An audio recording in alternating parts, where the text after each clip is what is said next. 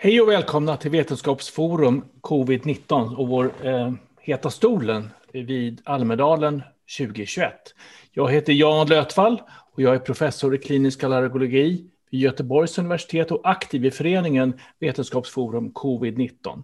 Eh, så idag har vi två personer vid Heta i Heta stolen.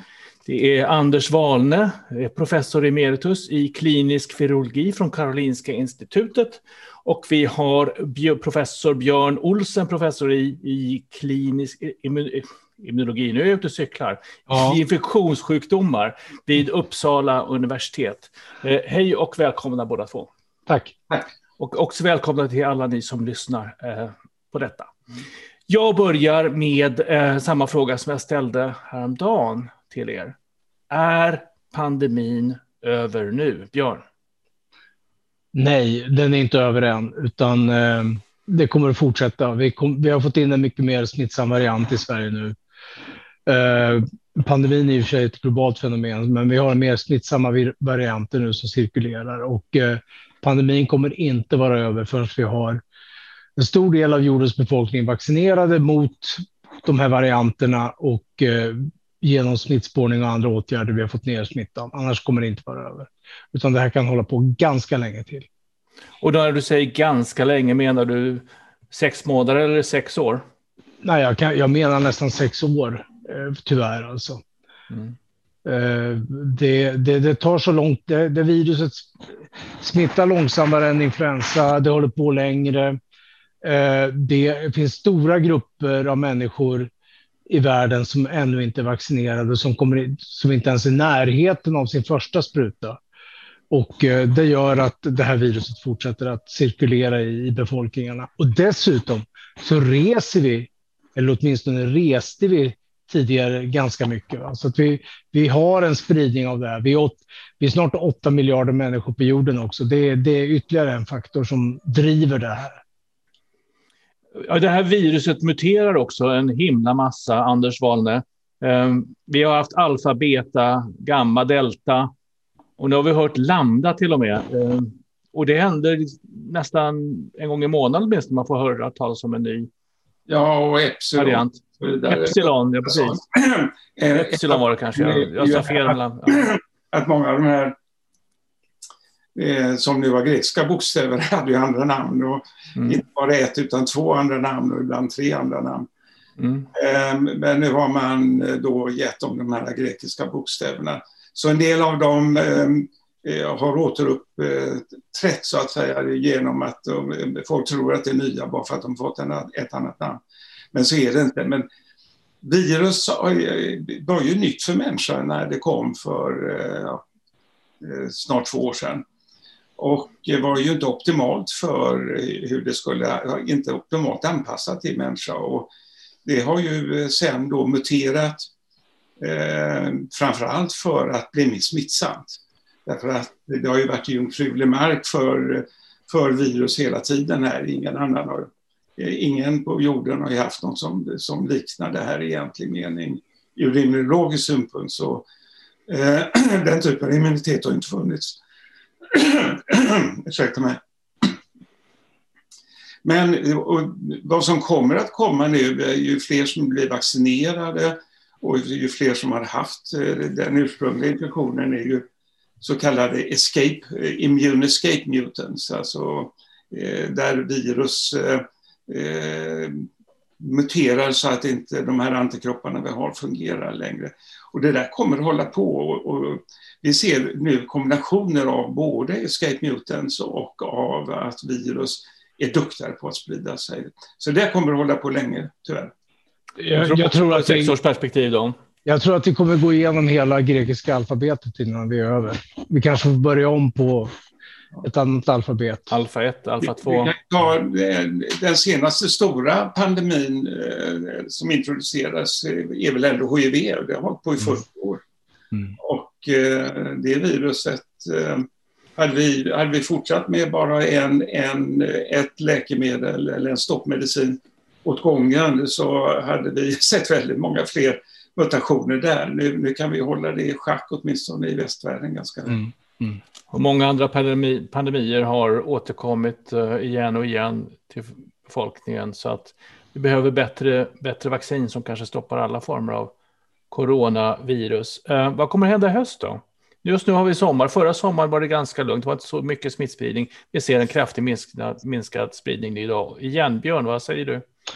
Ja, men alltså egentligen ska vi tänka på vad som, om vi ska dra någon lärdom av historien så måste vi börja fundera på vad som hände förra året. För då hade, var vi i princip samma situation. Vi såg en kraftig smitt, alltså minskning av smittspridningen. Alla började ta ut segern i förskott. Det var liksom bara att skjutsa in folk i skolor, universitet, på arbetsplatser, hur som helst.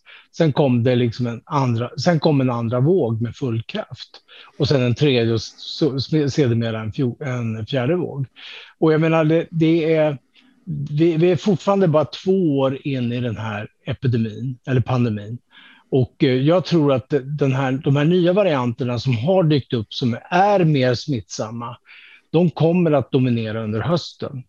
Eh, jag tror att vi kommer att se en epidemiologisk transition. Alltså det, det, vad, det, vad jag menar med det, det är att, att det kommer att, så att säga, börja smitta, infektera människor, personer som inte är vaccinerade. Alltså de som, är, de som inte är äldre, utan det är framförallt i yngre åldersgrupper, de som man inte har koncentrerat sig på. Va? Och eh, risken finns då att de blir drivande i smittan, vilket de sannolikt har varit under hela tiden på något sätt, men liksom under, under radarn på, no på något vänster. Så att det, det, risken finns att vi får, vi ser fler fall i de yngre åldersgrupperna. Inte alltid svårt sjuka fall, men vi åtminstone ser en ökad smittspridning där. Är, frågan, frågan från chatten, från PH. Är barnen eh, drivande i pandemin? Björn igen.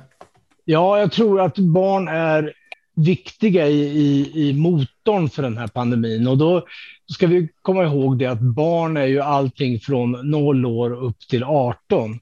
Och från någonstans vid 12 när man går in i puberteten, då börjar man bli vuxen faktiskt. Men de räknas fortfarande som barn. Men immunologiskt har man börjat bli vuxen. Så att eh, om man då kan vaccinera ner till där strax vid puberteten börjar, kring 12-årsåldern, så tror jag att man kan komma, komma ganska långt. Alltså man kan satsa väldigt hårt på vaccinationer i den, de åldersgrupperna. Då tror jag man kan komma ganska långt genom att hålla det här tillbaka tillsammans med en mängd andra åtgärder. Det är inte, vaccinationerna är inte the magic bullet. Det är en av de silverkulor vi har. Men vi har ju flera. Vi har ju en aktiv smittspårning, vi har munskydd, vi har vädring, vi har små grupper, vi har smittspårning, vi har karantänsättning. Så att vi har en mängd verktyg i verktygslådan som vi kan använda oss av. Eh, Anders, är du barnen som drivande i pandemin? Ja, det, det, det, alltså det, de studier som har gjorts eh, tycker jag har varit ganska dåliga. Och mycket beror det på att eh, man har inte testat barn, utan man har testat sådana, de som haft symptom. Men vi visste redan i, i februari förra året att, eh, att barn utsöndrade precis lika mycket virus eh, som, som vuxna. Det var bland annat ett fall i Singapore där det var ett spädbarn som lades in på sjukhus samtidigt, för båda föräldrarna lades in och testade man varje dag. Och det spädbarnet utsöndrade mer virus än vad både mamman och pappan gjorde tillsammans kan jag faktiskt säga. Och eh, Eh, det här är en luftburen smitta och eh, det är klart att barn, eh, de sjunger kanske inte, men spädbarn, de skriker. Så det är klart att de genererar aerosoler och smittar vidare. Men de här studierna som, som ofta är gjorda, till exempel på familjer, vem smittar vem i familjen. Ja, då har man gått in, till exempel i Norge, gjorde en stor studie och så testade man och det, då, den som först blev positiv i ett test, den kallas för indexfallet och, och alla andra blev då, var smittade av den här personen. Men det är klart att och då såg man att barn hade mycket lägre virusmängd i övre luftvägarna. Men den, den, naturliga förklaringen till det här är att barnen har förmodligen varit smittade innan, smittat föräldrarna, men barn har inga symptom och blev därför inte testade. Men mamman eller pappan fick eh, symptom och då blev testade och så testade man de andra som redan haft infektionen och där, där mängden virus var på, på nedgång. Och så där har det varit massor med studier. En, en hel del eh, som ofta i media har refererats till exempel munskyddsstudier kom ett eh, som hjärtläkare i Danmark gjorde, som var fullständigt galen eh, studie. Det tar för lång tid för att gå in. Men, men jag menar, det samlade kunskapsläget kring de här frågorna är att barn absolut kan få covid-19 även ner i små, i unga åldrar. Vad kan de få för sjukdom då, och Björn? Ja, alltså ett, ja, det, det kanske normalt så, så får barn om vi nu pratar om, barn är återigen en heterogen grupp, men vi pratar små barn, så får de ofta väldigt milda symptom. Alltså ganska milda symptom. Och det, det behöver inte visa sig så mycket mer än, än kanske snorighet eller någonting annat, lite ont i halsen, eh, hosta. Men, men eh, eh, i och med att det är många barn som smittas så börjar de här mer sällsynta symptomen att dyka upp. Och det är framförallt hyperinflammationssyndromen eh, eh som jag tänker på. Då. Och eh, det finns ju ett antal fall i Sverige av, eh, av där vi har haft hyperinflammation bland barn. Alltså där eh, ska säga, vårt immunsystem löper amok. Mm. Alltså reagerar på virusinfektionen men löper amok. Och de barnen blir svårt, svårt sjuka och måste ibland läggas in på IVA. Och där har vi väldigt många fall i Sverige jämfört med andra länder och det kan Anders bättre hur, hur siffrorna ser ut där. Men men det där är inte ett helt ovanligt fenomen när det gäller luftvägsinfektioner, att det är på det här viset. Barnen ofta ganska eh, låggradigt sjuka, men när barn blir sjuka så kan de bli svårt, svårt sjuka. Eh, så att, ja. Det här är viktigt att veta eftersom vi eh, ska diskutera hur vi skyddar barnen i den fortsatta pandemin som ni båda tror kommer att hålla på ett bra tag till. Det är siffror du, du har lite siffror Anders på, på ja, fördelning av Jo, man kan säga, eh, Johanna Hög som är med i vår grupp Vetenskapsforum, eh, docent i Göteborg, hon har tittat på det ordentligt. Hon jämförde då med Tyskland, Finland, Norge och Danmark och Sverige. Och eh, även USA. Om du tar det här hyperinflammationssyndromet så hade vi i Sverige 250 fall. Vilket ger 117 fall per miljon barn. Eh, motsvarande siffror i, i Danmark eh, och Norge eh, var ungefär var 22 till 26 eh, fall per miljon, alltså en femtedel eh, så många fall av den här hyperinflammationen där. I, i, eh, I Finland så hade man totalt åtta fall, så det blev väl en fyra fall per, per miljon barn eller någonting i den ställen, eller, eller fem, sex kanske på stället. Och i, i Tyskland låg också eh, ungefär 25 fall. Så det är fem gånger fler fall i Sverige än även i Tyskland där vi har haft en, en stor smittspridning också. Men det visar ju att vi har inte skyddat barnen speciellt väl i Sverige. Vi har låtit smittan spridas eh, för mycket mm. i samhället. Men vi har, haft, vi har haft ett mantra att eh, barn Barn blir inte sjuka, barn smittar inte. Det är flera mantran vi har haft i Sverige som är återupprepat med liksom en dåres envishet från eh, olika myndigheter och även i media. Och det här är ju precis priset vi betalar för den här galenskapen helt enkelt. Alltså man måste kunna tala om att en spade är en spade. Barn smittas och är det så att många barn smittas så kommer det dyka upp många barn också, förhållandevis många barn, som alltså utvecklar de här syndromen och som inte är helt ofarliga, verkligen inte. Folk dör i det här, barn dör i det här. Eh, och man kan få bland annat eh, hjärtmuskelinflammationer, man kan få eh, hjärtsäcksinflammationer, det kan sättas i hjärnan. En mängd olika symptom.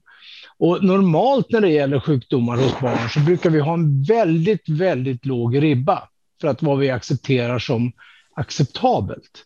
Det kan vara sådana saker som en kockinfektioner hos barn, alltså hjärnhinneinflammation hos barn eller TBE-infektion hos barn eller någonting sånt.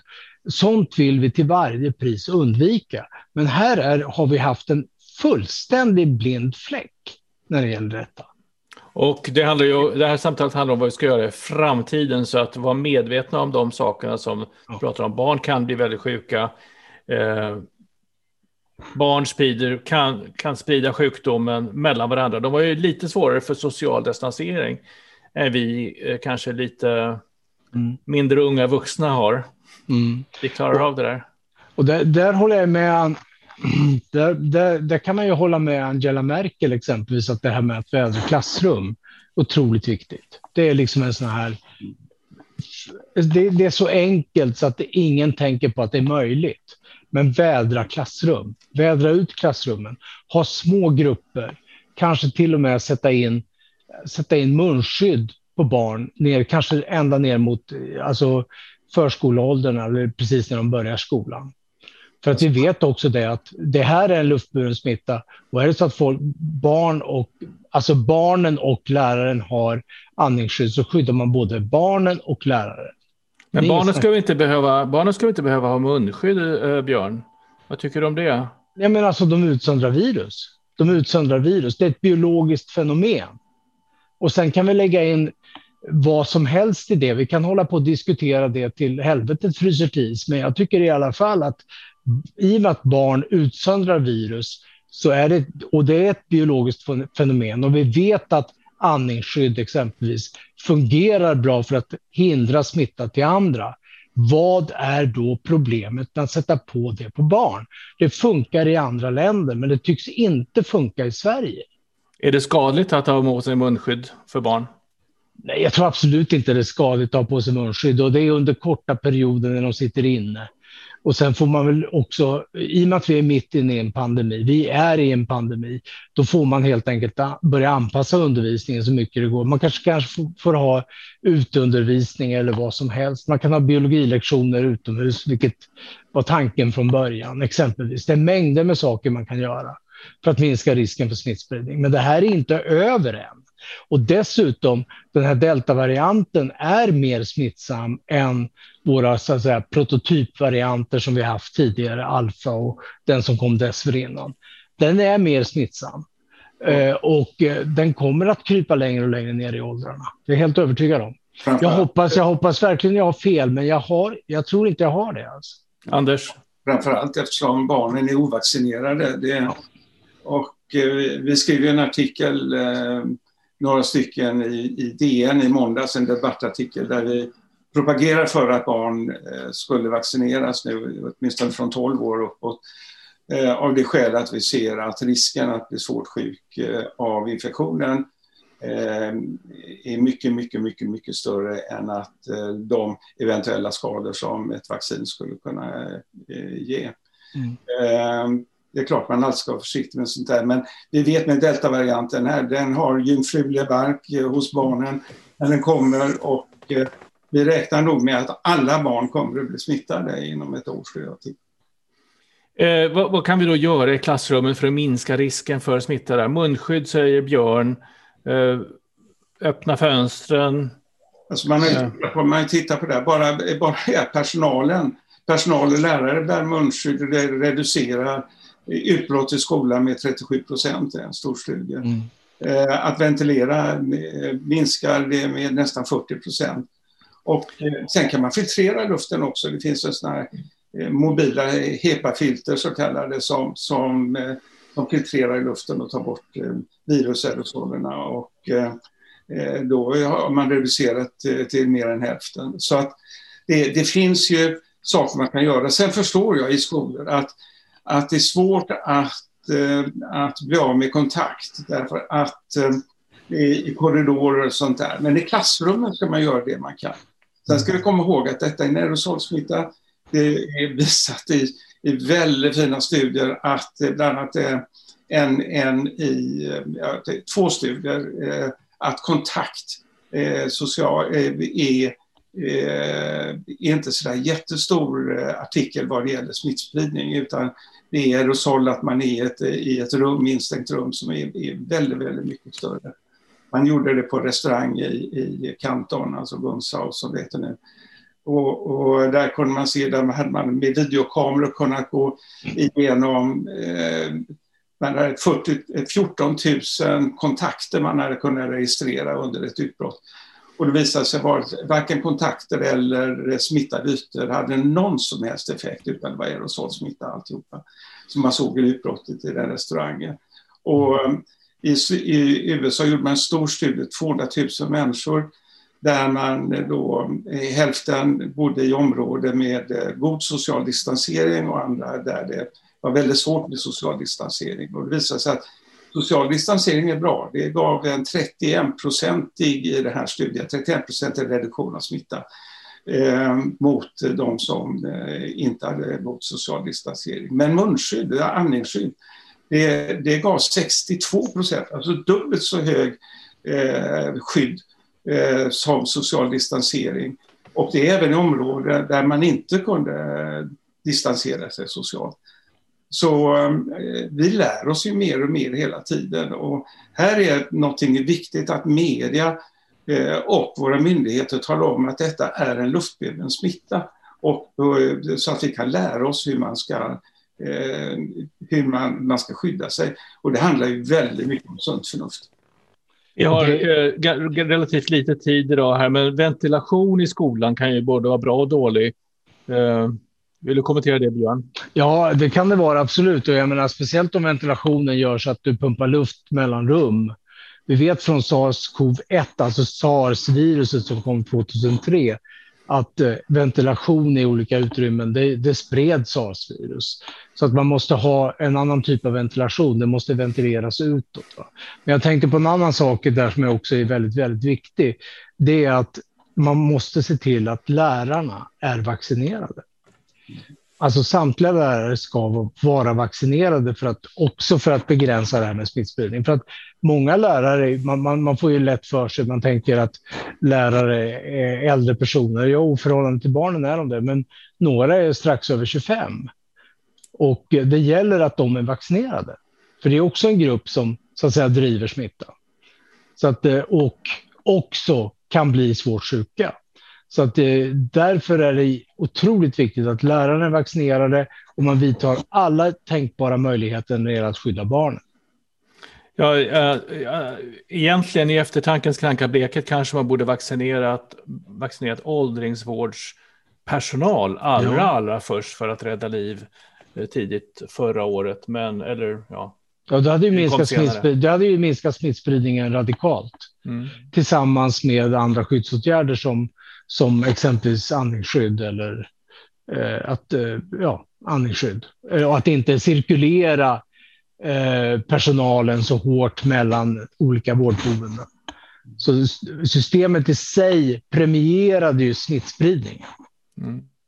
Eh, testa barn. Eh, ska barnen testas varje dag eller flera gånger i veckan för eh, covid-19, Anders? Ja, ja, det tycker jag. Och, och det kan ju tyckas eh, dyrt eh, det här. Eh, och kan man inte göra varje dag kan man göra varannan dag. Det, I, i jag tror det var det München, något område i, i Tyskland så har man något de kallar för lollipop, alltså slickepinne-variant av testning. Och det är alltså, man testar inte barn genom att köra upp någonting i näsan på dem eh, som eh, kommer upp nästan till hjärnan. Utan här får de sitta och suga på en, en eh, liten pinne som då tar, suger upp eh, saliven och eh, infekterade celler och, och, och virus. Och eh, som smakar eh, gott. Och sen så, så polar man det här för en klass.